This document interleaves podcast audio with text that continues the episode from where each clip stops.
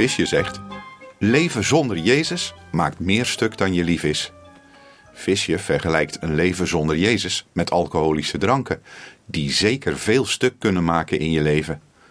Maar klopt die vergelijking wel? De Bijbel is hier duidelijk in.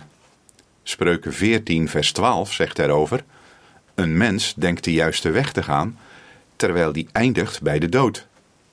Eerder, in Spreuken 14, vers 2, staat erover: Wie de juiste weg volgt, toont ontzag voor de Heer. Wie verkeerde wegen gaat, minacht hem. Jeremia 6, vers 16 zegt verder: Dit zegt de Heer: Ga op de kruispunten staan. Denk na, kijk naar de oude wegen. Welke weg leidt naar het goede?